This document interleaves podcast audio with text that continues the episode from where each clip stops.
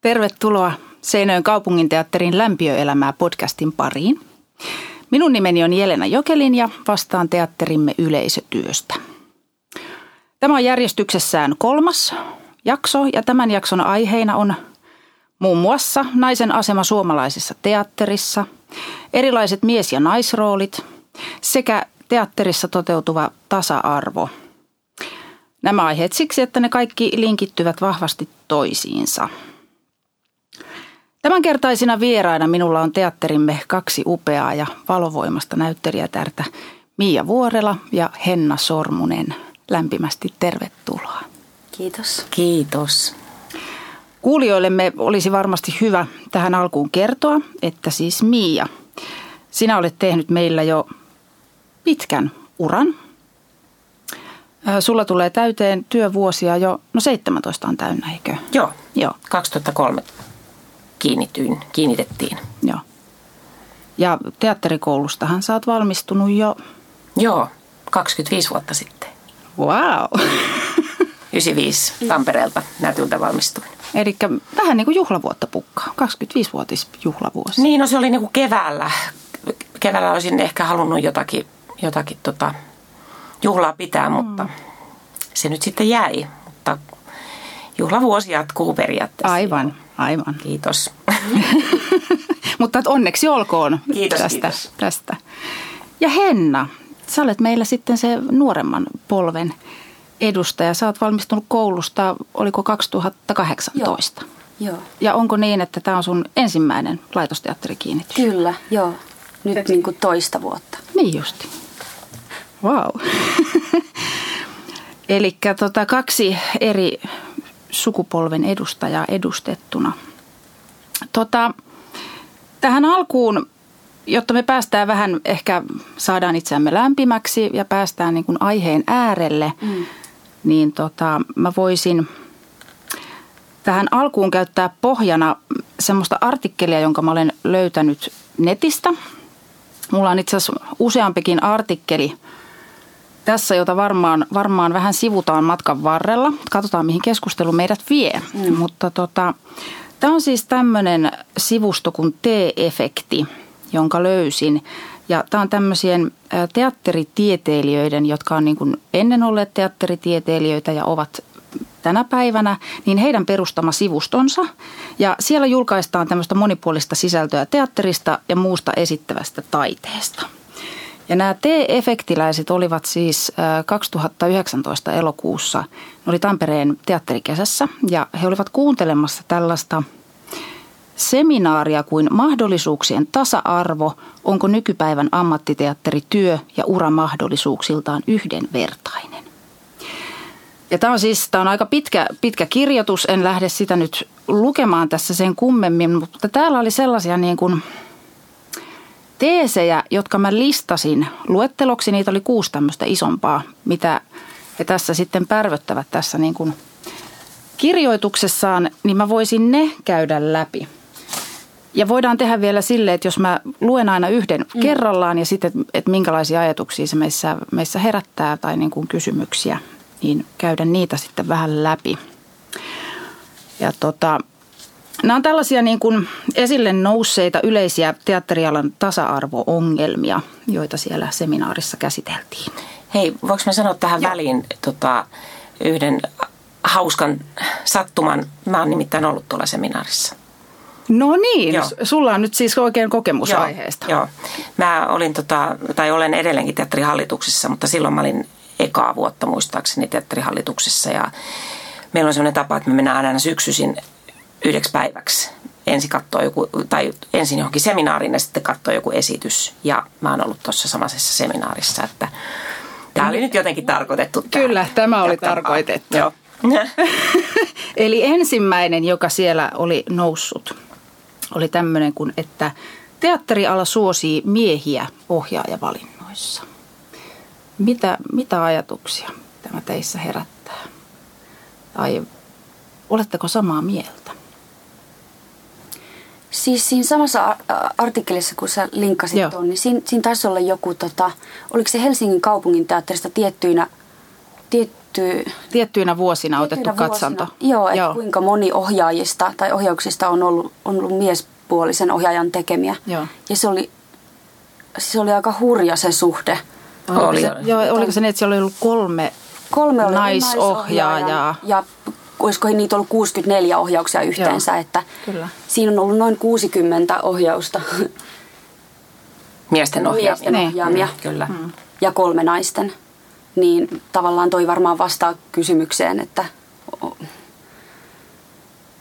Eli te olette, te olette siis myös sitä mieltä, että se pitäisi olla todellakin niin kuin enemmän tasavertaista. Se on nimittäin niin, että totta kai näin pitäisi olla. Tai sit, kun mä en edes ajattele, että mies ja nainen, Mm, vaan niinpä. että nimenomaan henkilö, Niinpä, ihminen. nimenomaan.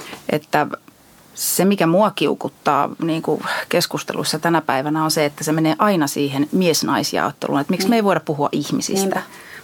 Tai että kenelle tehdään teatteria. Me tehdään ihmisille. niin.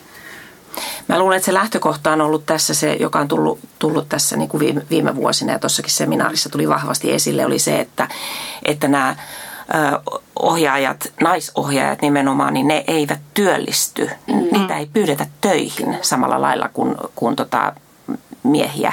Ja se on, se on se ongelma. Ne on nostaneet tämän, tämän kissan pöydälle. Mm.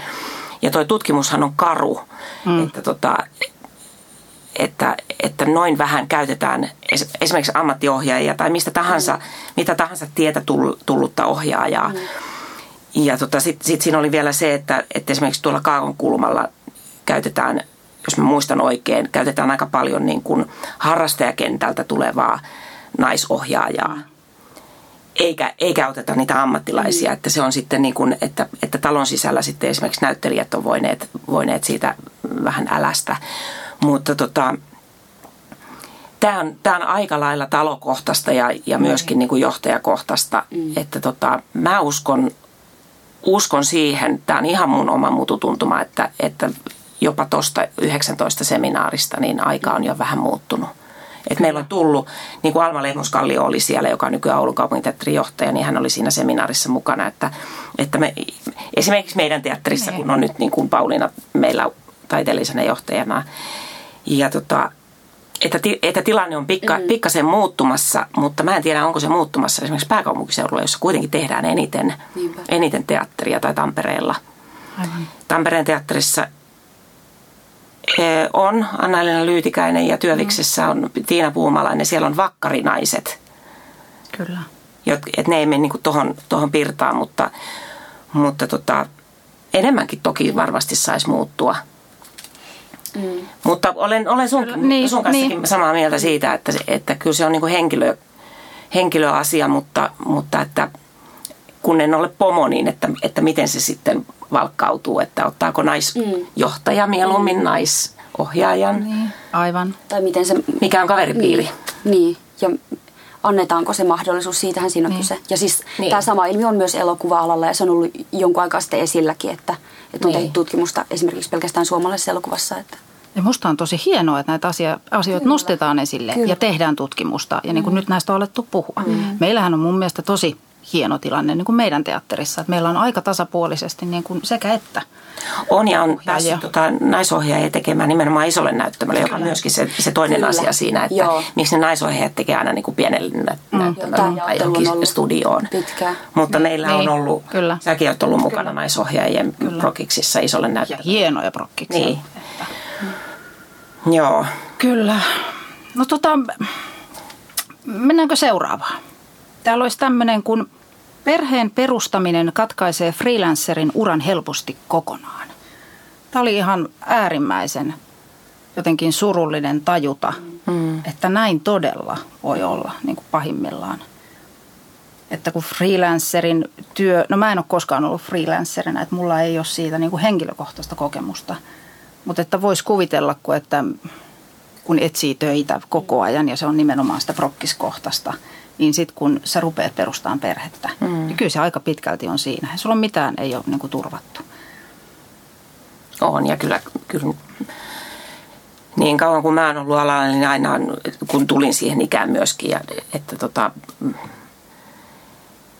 että kaveritkin alkoi saamaan lapsia ja, ja sitten se tuli niin kuin aiheelliseksi se keskustelu, niin tota, tosi paljon kuuli niitä juttuja, että en uskalla – en uskalla lähteä tekemään perhettä, suunnittelemaan. Niin. Tai sitten, että joku uhkauskin on voinut tulla johtoportaasta, että, että et niin. saa. Aivan. Joka on ihan käsittämätöntä. Toi, toi varmasti pitää paikkansa. Mm. Ja, mutta tuosta ei ole taas pitkään aikaan puhuttu, mutta mikä niin. kokemus sulla on niin kuin No siis koulu... just siinä lapsen niin, Aivan tulossa tähän. Kouluaikana tämä on ollut nyt jälkikäteen mä ajattelen aika paljon esillä, että, että eri keskustelutilaisuuksissa niin – monet näyttelijät on ottanut ja varmaan no en nyt haluaisi jaotella, että onko mutta siis monet on ottanut mm. esille opiskelijat sitä, niin kuin halunnut kysyä niiltä, jotka on, on jo kentällä, että miten tämä perhe mahtuu, no ylipäätään tähän alaan, mm. mutta sitten mm. varmasti etenkin niin kuin naisen näkökulmasta mm. ja äitiyden näkökulmasta. Onhan se tosi surullista, että joutuu niin kuin miettimään ja suunnittelemaan, että koska ja missä vaiheessa niin. ja että niin. uskallanko perustaa. Niin. Niin, tai että lähtee työtalta oikeasti. Niin, kyllä. Eihän se niin pitäisi mm. olla. Mutta se vaan kertoo tästä, tästä niin kuin, ala on, ala on niin, mm. niin kovassa kilpailussa ja freelancereita on edelleen enemmän ja enemmän. Että, että silloin kun mä esimerkiksi valmistuin, niin vakituisia, vakituisella kiinnityksellä olevia näyttelijöitä oli niin kuin melkein koko liiton mm. jäsenistö. Mm. Ja nyt se on niin kuin, että mä, mä jo sanon itseäni niin kuin katoavaksi luonnonvaraksi. Että meitä on niin kuin noin 2000 liiton jäsenestä mm. about 400 on kiinnitettyjä. Aivan. Ja se ei nouse. Aivan. Että se, sekin, koska, koska tota, mä, mä oon tehnyt lapseni, kun mä oon ollut täällä Seinäjoella kiinnitettynä, niin tota, mulla ei ollut niin. minkäännäköistä pelkoa ja mä oon voinut pitää vuoden, mm. vuoden niin, loman ja joku kollega on voinut olla niin kuin kolmekin vuotta pois, kun tietää, että pääsee niin, palaamaan kyllä, siihen työpaikkaan. Kyllä. Mutta niin kuin sanottu, niin friikenttä on, on kyllä isossa ongelmassa tämän kanssa. Ja sitten se kohdistuu siihen naiseen. Mm. Mm. Niin totta kai, koska nainen väistämättä joutuu jäämään pois niin. työstä silloin. Niin. No seuraavahan onkin, sitten tullaan niin kuin tähän laitosteatteriin, että työn ja yksityiselämän yhdistäminen mutkistaa myös kiinnitettyjen työntekijöiden tasa-arvoa työpaikalla. Niin tämähän on nyt juurikin jatkoa tälle mm. sitten. Mm. Että nainenhan on se, joka niin kuin jää, jää kotiin väistämättä. Mm. Mutta se, että o, no mitä, onko sä Mia kokenut, että, että sulla olisi ollut jotenkin jotain hankaluuksia, niin kun, kun sä lähdet perhettä perustaan? En ole kyllä kokenut. Mä, mä oon saanut tota, Mä oon saanut hyvin pidettyä äitiysloman ja sitten sit mä sain vielä, kun mä elämäni ensimmäisen kerran ja ainoan kerran tähän asti, niin tota, pyysin silloiselta johtajalta, tota, olisiko haku ollut silloin niin kuin puolitoista vuotta tai jotain, niin mä pyysin harjoitusvapaata. Mm. Mä mietin sitä pitkään ja niin kuin, mm. että uskallanko ja mm. mitäköhän se vastaa. Ja mä sain harjoitusvapaan, mm. joka siis tarkoittaa sitä, että mun, mun ei tarvitse, tota, multa ei vähennetä palkkaa, mutta mä saan olla jostakin prokkiksesta pois, jolloin mä olen vähän enemmän kotona, että hoidan mm. niin kuin Eli se ku, suurin piirtein kuusi viikkoa, mitä näytelmää harjoitellaan, niin, niin tota, semmoisen pätkän sain olla niin kuin talvikaudelta pois ja se, se helpotti sitä arkea Kyllä. tosi paljon. Kyllä, varmasti. Hmm. No sitten sit mennään seuraavaan. Huokaisu oikein, kun tulee mieleen, että huhu. niin. niin ja siis tuosta niin vuorot, tai että olla harjoitu, harjoitusvapaalla. Onko tänä päivänä enää sitä mahdollisuutta? Ei. Niin, että sekin on. Se johtuu siitä, kun kiinnitettyjä näyttelijöitä on vähemmän. Meillä on mm. pienempi ensemble. Kyllä, kaikki tarvitaan. Niin. Seinäjoen kaupunginteatterissa on joskus ollut 16 vakituista Joo, näyttelijää. Kyllä. Meitä on nyt kahdeksan. Niin tota, me ollaan niin kuin se pieni tiiliskivi, jonka päälle sitten tulee freelancereita, että, että tota, ei ole harjoitusvapaata. Niinpä, niinpä. Et jos esimerkiksi on väsynyt, mm. niin tota, sitten pitää vaan mennä terveyskeskuksen kautta. Niin. Ennalla silmät suurena, kun vasta alalle tulleena. Että, Joo, näitä töitä on tehnyt pienestä asti. Niin, aivan, aivan. Tota, seuraava. Ihmisiä rekrytoidaan fiilispohjalta. Mm. Mm. Mm. Mitäs, mitäs tuumaatte tästä? Kyllä toisaalta tosi paljon niin kuin, alalla liikkuu semmoista niin kuin, on paljon semmoista keskustelua siitä, että minkä tyyppisiä esimerkiksi koeesiintymistilanteet on tai ja sitten just, että, että ketkä ja millä papereilla työllistyy ja mutta tota, mut, mm. mut varmasti niin kuin esimerkiksi ö, suhteet voi vaikuttaa jossain tapauksessa. Niin mäkin mietin, että tarkoittaako niin. tämä niin kavereita. Niin. Että Niin. Aivan. Tämä sama asia. No me voidaan nyt tulkita. Tuo on aika laaja aihe. On. Niin No. sillai, On. mutta tota, kyllä varmasti jokaisella näyttelijällä on oma kokemus siitä, että tai joku mielikuva siitä, että miten alalla työllistyy. Mm. Kun tässä on itse asiassa nämä seuraavat kohdat, niin nämä, nämä on nyt aika samaa asiaa kuin tässä on, että rekrytoinneissa suositaan oman sukupuolen edustajia. Niin. Ja sitten, että työnhakijan ammattitaito jää monesti sivuseikaksi. Niin juurihan tuossa viittasit nyt siihen, No että, joo. että niin kuin millä koulutuksella. Niin. Ja että vaikuttaako se, että, että tuntee oikeita ihmisiä. niin. Koska varmasti vaikuttaa. Mm. Varmasti vaikuttaa. Ja vielä tänä päivänä, kun työnsaanti on todella niin kuin hankalaa. Kyllä. Ja kilpailu on kovaa. On. Siis sehän ei ole huono asia, että, on, että esimerkiksi ohjaajalla, ohjaajalla on luottonäyttelijöitä. Niin. Tai Niin. että joku näyttelijä tykkää tehdä jonkun ohjaajan kanssa töitä. Silloinhan se on vaan niin kuin positiivinen Kyllä, asia. kyllä. Mutta että, että jos se estää, estää niin kuin laveasti sanottuna, että, että niin kuin puhutaan, että aina, aina niissä uusissa leffoissa on aina ne samat näyttelijät. Mm, Mutta että jos ne on hyviä näyttelijöitä ja jos on ohjaajan kanssa hyvä, hyvä työsuhde, niin sehän on hyvä asia, mutta että katsojan kannalta se voisi olla virkistävämpää saada, mm, saada niin kuin uusia, uusia kasvoja eetteriin, mutta, mm. mutta tota, Tuommoisestakin pitäisi melkein niin kuin jonkunnäköinen tutkimus tehdä, että tämä on vähän tämmöistä Niin, mutukeskustelua, kyllä. että, Niin. että miten Kyllä. se menee, mutta Niin. kyllä se varmaan, varmaan pitää Niin. aika lailla paikkansakin. Niin. Nämä on siis nämä on kaikki tosi jotenkin isoja, isoja asioita, ja, mutta että onneksi pystyn jotenkin toteamaan, että meidän teatterissa on sekä se, että käytetään tosiaan niin ohjaajia tosi monipuolisesti, miehiä, naisia, ja sitten myöskin se, että niin kuin meillä näyttelijät saa tehdä hyvin niin kuin rikkaasti ja niin kuin laajasti erilaisia rooleja. Hmm. Että no meillä ei ole kiinnitettyä ohjaajaa, että meillähän ohjaajat vaihtuu niin kuin aina. Et en sitten tiedä, että jos olisi kiinnitetty ohjaaja, niin miten sitten, että olisiko hänellä, että hän tykkäisi sit käyttää tiettyjä näyttelijöitä aina tietyn tyyppisissä, tai että olisiko hänellä luottonäyttelijöitä, mutta että Niinpä. Hmm. näin. Mutta onhan meidän taiteellinen johtaja, sehän Niin, hänellähän niin. on, eikö se ole sopparissa jo, että se, hänen pitää ohjata kaksi Kyllä. ohjausta. Kyllä. Niin, siinä on jo tavallaan Joo. niin, Niin, niin. Niin, että tavallaan. tavallaankin myöskin Niin, kyllä. ohjaaja, mutta Kyllä. kyllä, kyllä niinpä. Ja, tota, ja tästähän siis, äh, kun kaikessa muussakin toiminnassa, hetkinen, miten se menee? Suomen teatterit on siis, Suomen teatterit ry on laatinut sen tasa-arvo- ja yhdenvertaisuussuunnitelman mm. niin kuin teattereille. Mm. Ja sitähän meidänkin teatterimme niin kuin pyrkii noudattamaan.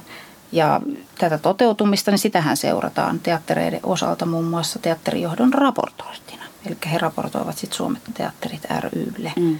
nimenomaan tästä. Ja mun käsittääkseni ihan vuosittain, että tätä seurataan tosi, tosi tarkasti, mikä on hyvä, joo. hyvä asia. Päästään Aasinsillalla tästä seuraavaan aiheeseen.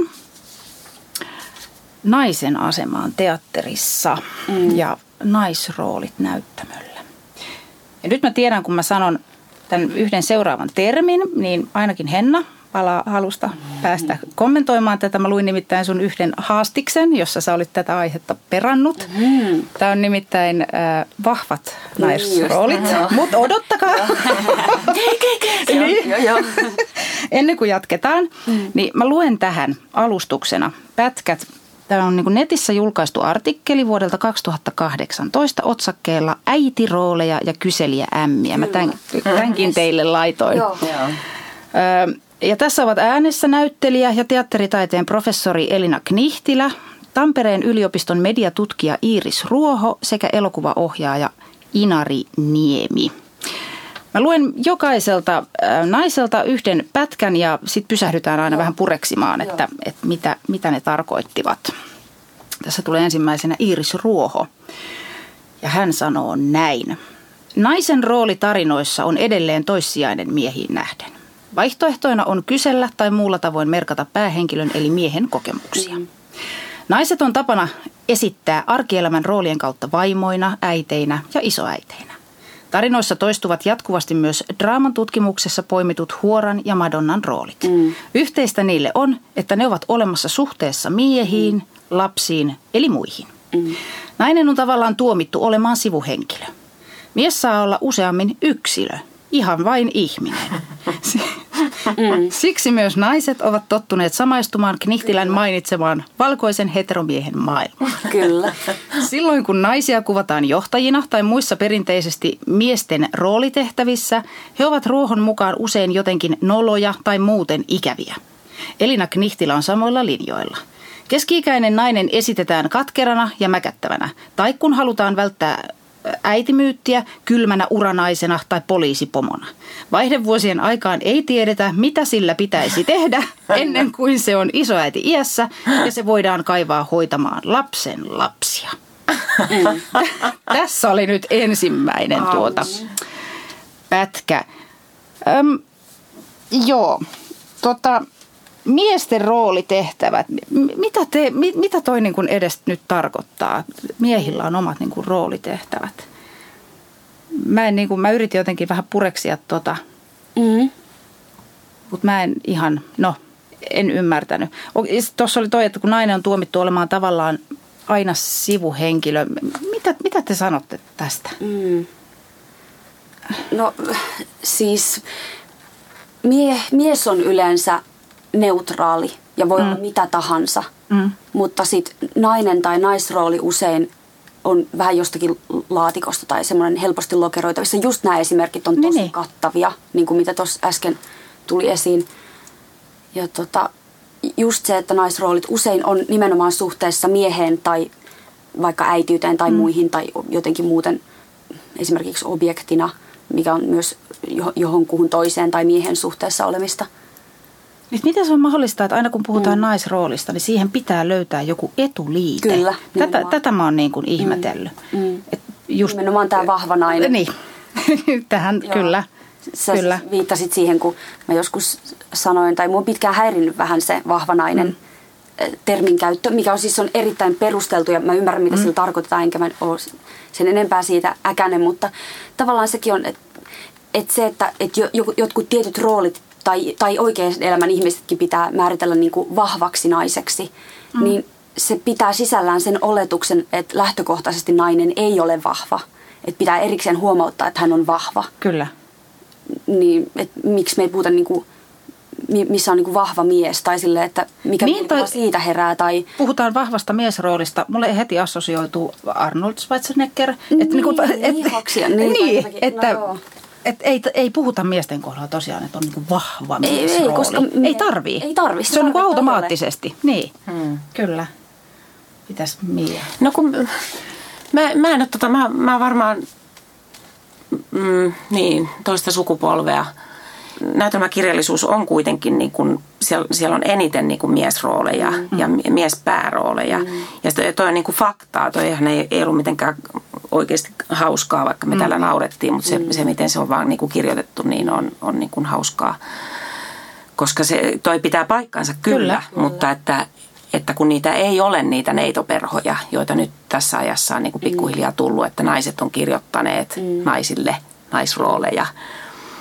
Mutta tota, et kyllähän tämä on aika niin kuin vanhakantasta tämä mm. teatterin tekeminen sitten kuitenkin. Mm, Mutta että se, se on mun mielestä vähän niin kuin asennekysymys, niin, mitä mä, mitä mä oon niin kuin itse esimerkiksi tehnyt. Mulla tuli mieleen Romeo ja Julia, mm. joka me tehtiin joku, mm. jokunen vuosi sitten, jossa mä olin, olin rouva Kapulet, alistettu nainen. Mm. Nimenomaan. Mm. Siinä on se alistettu se etuliite, kyllä, kyllä. mutta että, että senkin voi tehdä vahvasti, että niin kuin korostaa sitä kyllä. alistunutta, jolloin se nousee, nousee niin kuin isommin, isommin esille siinä näytelmässä ilman, että lisätään repliikkejä. Mm. Että se, että se on myöskin mun mielestä niin kuin sovituksellinen ja näyttelijän työllinen asia, mm. että miten, miten tuodaan niitä, niitä tota, äitisivurooleja mm, tai tyttö, niin kuin tyttöystäviä esille, mutta että se, sekään ei ole niin kuin helppo homma, mutta että että siinä mun mielestä niin kuin tulee tärkeämmäksi niin kuin teatterin tekemisessä se, että, että kuka on dramaturgi, minkälainen, minkälainen on tota keskusteluyhteys ohjaajan kanssa. Mm. Et kun puhutaan sitten esimerkiksi näistä, näistä niin kuin nuorten naisten rooleista, jos, jos, jotka joutuvat jo niin kuin tekstillisesti olemaan esimerkiksi vähi, vähissä vaatteissa, mm. mm. niin että onko se heti alistunut nainen, alistettu Aivan. nainen tai hyväksikäytetty nainen, kun ei se välttämättä ole. Aivan. Mutta että, että sit näistä, näistä asioista pitäisi pystyä niin kuin oikein kunnolla keskustelemaan, niin. että saisi sen niin kuin perustelluksi mm. itselleen myöskin, jos joutuu monta vuotta tekemään samanikäistä naista ja olla aina jotenkin siinä niin kuin vieressä mm. komppaamassa sitä pääroolia. Että ne ei välttämättä ole huonoja rooleja, niin, mutta että, että tota, edelleen ihan tolkuttoman hienoa, että näistä keskustellaan. Mutta mä, mä, en, mä en ole ihan niin kuin täysin Toihan on vähän provosoitu. Toi, on, totta, toi, eikä niin toi vähäkään tuossa niin. nyt, kun kohta luen eteenpäin. Joo. Mutta niin kuin hyvin, hyvin hauskasti nämä naiset tässä kyllä kiteyttää nämä sinällään vakavat. Joo. Niin kuin ja ehkä asiat. enemmänkin nämä, nämä tulee esille leffoissa ja, ja niin kuin telkkarisarjoissa. Mä, mä vähän väitän semmoista, että siellä on enemmän siellä on näitä enemmän tämmöisiä. Niin, että kaikki sairaanhoitajat on naisia ja niin, miksi ne on miehiä. Niinpä. Aivan. Aivan. Mutta sa- sama ilmiö näkyy toki ja... myös teatterissa, mutta niin näkyy. varmaan. Niin. Mutta ehkä enemmän. Kyllä. Tota, mennään seuraavaksi Elina Knihtilän tekstipätkään. Uh, täydellinen rooli olisi ihan vain ihminen. No nyt päästään tähän ihmisyyteen, missä vähän, niin. vähän puhuttiin. Elina Knihtilä, Inari Niemi ja Iris Ruoho jakavat kaikki yhden toiveen – että tulevaisuudessa keski-ikäisen naisen esittäminen olisi monipuolisempaa ja rooleissa voisi esiintyä ihan vain ihminen. Ei siis pelkkä karikatyyri niin, että tämä on nyt keski-ikäinen nainen, jolla on vaihdevuodet, ja sitten se juoksee tuolla miesten perässä. Tai että tämä on hirveä uratykki, joka on uhrannut työlle koko elämänsä, tällainen maholehmä ja kylmäkalkkuna. Knihtilä lataa. Hän kertoo itse aina himoinneensa miesten rooleja, mm. samasta syystä. Niissä voi olla vaikkapa kyse suhteesta Jumalaan, elämän tarkoitukseen tai että miten pelastamme planeetan. Ennemminkin kuin että mitä mä teen ton mun miehen ja lapsen kanssa. Toki ihmissuhteet ovat tärkeitä, mutta jos ne ovat aina roolien keskiössä, se käy tylsäksi. Hmm. Mm. Ihan vain ihminen. Mm. Niin, melkein mun tulee mieleen, että naisella pitää aina olla joku järjetön ongelma – jotta se on mielenkiintoinen. Mm. Niin tota, tai että jotta se voi olla pääroolissa, niin on, siihen on kasvatettava joku, joku niin kuin ulkopuolelta tuleva asia. Kun sitten taas kun mä mietin noita niin kuin miesrooleja, niin eihän, ei samalla tavalla, ei, miehelle ei tarvi rakentaa siihen jotain tämmöistä niin kuin isoa tapahtumaa, jotta hän on niin kuin keskiössä mitäs ajatuksia? Ehkä se on myöskin helpompi tehdä niitä käsikirjoituksia niin, että, että tota, koska ne ympärillä olevat ihmiset kuitenkin tekee sen pääroolin, mm. niin että m- miten mä lähdin nyt niinku tämmöistä kautta tätä ajattelemaan, että mm. et, et ehkä, se ehkä se vaatii sen sitten. Ja sitten se, että se on mielenkiintoisempaa oikeasti, että siinä on se mies, että väh. En, en mä saa sanoa, niin, mutta niin, siis niin, niin, niin. Mm, koska toi on totta. Niin, kun mä mietin niin itse sitä, että jos mä oon näyttämällä, mm. niin musta olisi ehkä vähän itse näyttelijänä tylsä näytellä mun suhdetta Jumalaan. Tai mä tykkään ennemmin näytellä jotain kriisiä tai että jotain on tapahtunut, mm. Kuin että ihan vaan minä tässä niin, y- ymmärrättekö yhtään mitä ajan takaa? No ei, en. Ja, mutta nyt, nyt mennään siihen, että, että itse asiassa pääroolin esittäminen on tylsempää kuin sen, niin kuin sen niin. kaverin rooli. Mutta tämä menee nyt vähän niin, toiseen, niin, niin, aivan. toiseen juttuun. Koska mä olen samaa mieltä sun kanssa, että, mm. että niin kuin, en mä koskaan olisi halunnut olla Julia, niin. vaan niin kuin mieluummin joku, joku sen kaveri. Mm. Että se on paljon mielenkiintoisempi. Mm. Ky- niin, joo. Mutta, mutta et niin kun, et miksi, miksi se on aina sitten se, se isoin rooli on niin kuin sillä, sillä miehellä? Siis mä oon jo lapsena tehnyt semmoisen havainnon, että jos katsoo, mä en tiedä millainen siis lastenohjelmien vaikka mm. tarjonta nykyään on telkkarissa, mutta silloin kun mä oon ollut pieni ja katsonut lastenohjelmia, niin silloin kaikki lastenohjelmat on, on joko selkeästi vähän niin kuin kaikille sukupuolille suunnattu tai sitten tytöille tai pojille. Mm. Ja nämä tytöille suunnatuissa, joita on varmaan vähemmän, niin ne on niin kuin tosi tietynlaisia lastenohjelmia, tosi edustaa jotakin tämmöistä tiettyä niin kuin ahtaaseen lokeroon menevää feminiinistä jotakin. Ne. Ja se on ihan ok ja sen, täm, kaikenlaista siis tarvitaan, mä en yritä sillä mutta, mutta tota, sitten nämä, mitkä on suunnattu kaikille lapsille, niissäkin aina päähenkilöt ja keskeisissä rooleissa olevat henkilöt on miehiä, koska me mielletään ne neutraalimmiksi kuin naisroolit. Mm. Ja tota, jos on vaikka useita henkilöitä lastenohjelmassa, niin niistä vähemmistö on naispuolisia ja naispuoliset roolit on niissäkin tosi tietynlaisia. Ja tämä on vain siis yksi esimerkki siitä, että miten niin. varhain me mm. opitaan se. se. Esimerkiksi tyttönä mä en ole koskaan, mä en muista yhtäkään niin kuin naispuolista hahmoa, vaikka just lastenohjelmista tai mistä mm. tahansa mm. taiteesta ja viihteestä, mitä on itse lapsena, mille on altistunut lapsena, johon mä olisin liiemmin samaistunut tai saanut samaistua, Aivan. koska ne joku toinen on saattanut ja siinä käy mitään väärää ja voi olla, että joku poika on samastunut johonkin tyttösivuhahmoon ja niin poispäin, mutta, tota, mutta se on ihan selkeästi havaittavissa oleva ilmiö, että, että me naiset joudutaan jo varhain kasvamaan ja tottumaan siihen, että niin. naisia ei ole tietyissä rooleissa oikeassa elämässä, ei näy eikä fiktiossa, eikä taiteessa, eikä viihteessä. Ja siinä, siitä nousee esille se meidän vastuu teatterin ja taiteen tekijöinä. Mm. Että mi, minkä tyyppistä todellisuutta me toistetaan ja luodaan mm. esimerkiksi näyttämöllä. Hmm. Et kun usein näyttämö, näyttämöllä, siis äh, teatteriesityksessä on kyse enemmän ja vähemmän fiktiosta, mikä tarkoittaa, että me voidaan – tehdä ihan mitä tahansa niin, ratkaisuja. Kyllä. Niin. Ja pystytään et, rikkomaan niitä et, rajoja. Niin. Et aika tyypillinen perustelu jossain yhteydessä voi olla se, että jos on vaikka jotenkin historiallinen teos, että tämä edustaa nyt sitä maailman aikaa, jolloin naisen asema vaikka oli tämä mm. tai jotain muuta. Mm. Se on aika tyypillinen perustelu, mm. mutta sitten siinä samassa teoksessa voi olla avaruusolioita tai lohikäärmeitä, mm. niin se on vähän niin kuin, ne syö toisiaan silloin mun mielestä ne argumentit. Et hyvin jopa pienillä korjauksilla ja muutoksilla mm. me voitaisiin oikeasti saada aikaan semmoisia mm. lopputuloksia, Kyllä. jotka ei toista sitä samaa. Ja me ei oikeastaan huomata edes näitä. Että tämmöinen tietty mm. niin kuin, seksistinen ajattelu on koko ajan läsnä. Me ollaan niin, niin totuttu siihen kyllä. kaikki me.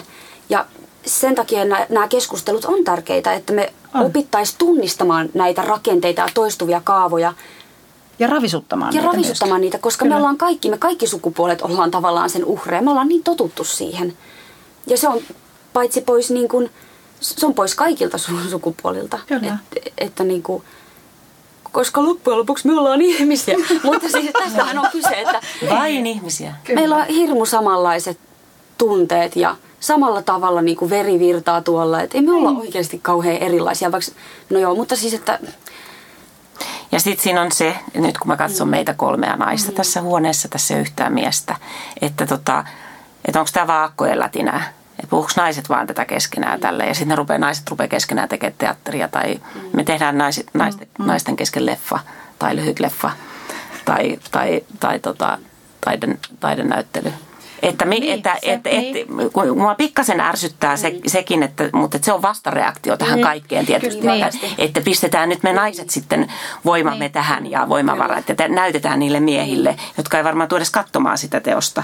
Niin. Mutta että et, et niin kuin, että kun se pitäisi jotenkin mun mielestä kimpassa tehdä. Niinpä, kyllä. Toi, on, mm. nyt kun sanoit ton, siis kävin tuossa pihalla aika kiivastakin keskustelua muutaman mieskollegan kanssa juuri ennen tänne saapumista ja ja mulla kävi siis mielessä siinä, että nyt, nyt nappaan toisen heistä mukaan tänne studioon, mutta mm. se oli sitten ehkä vähän myöhäistä sillä kohtaa.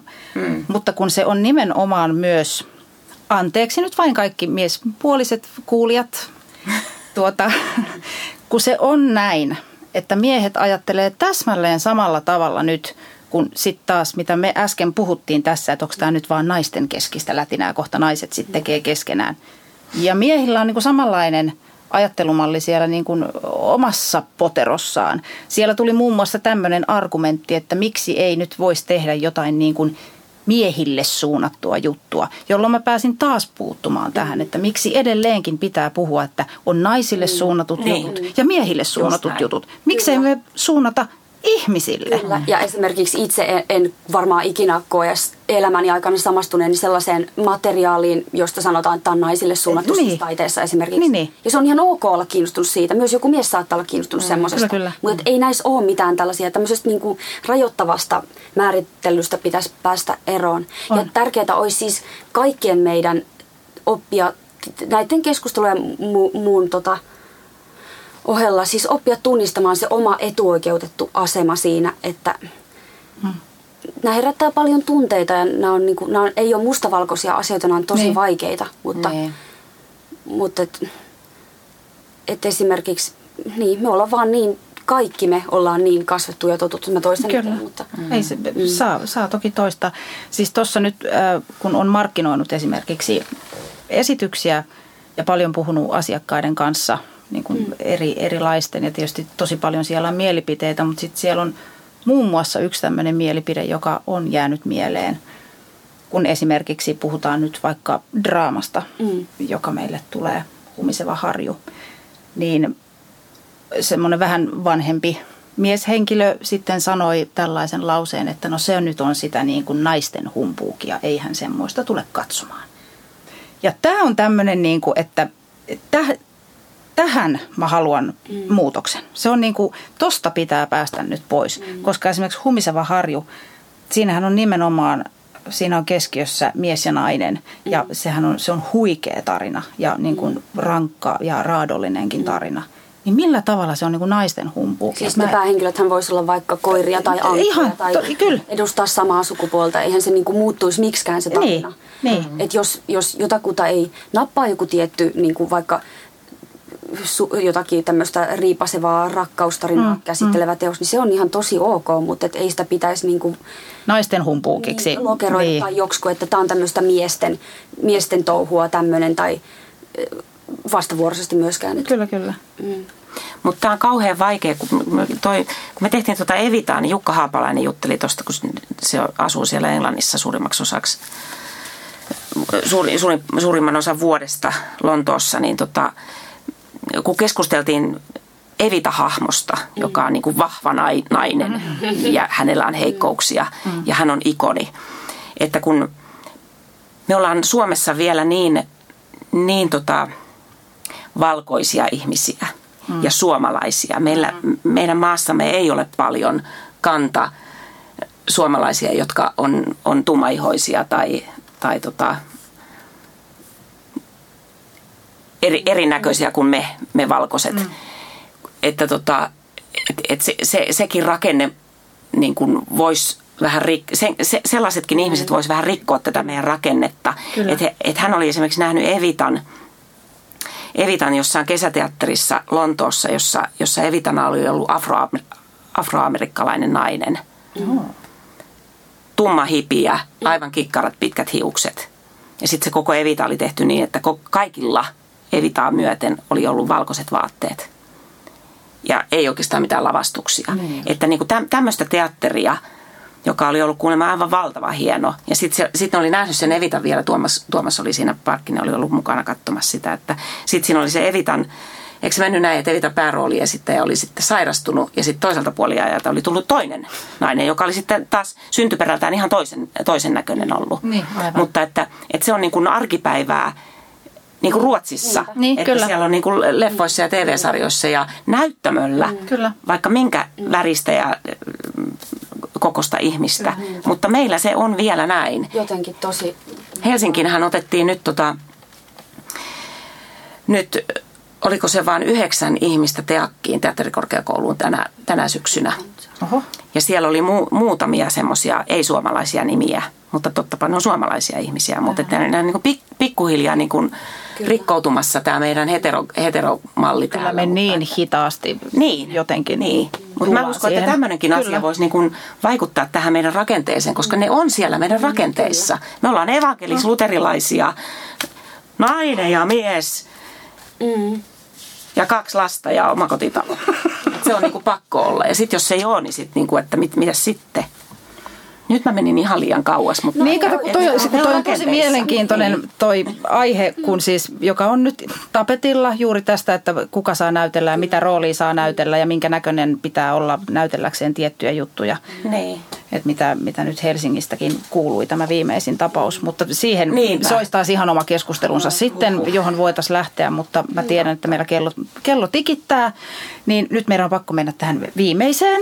Niin, joo. että tuota, tämä on siis Inariniemen kommentti nyt.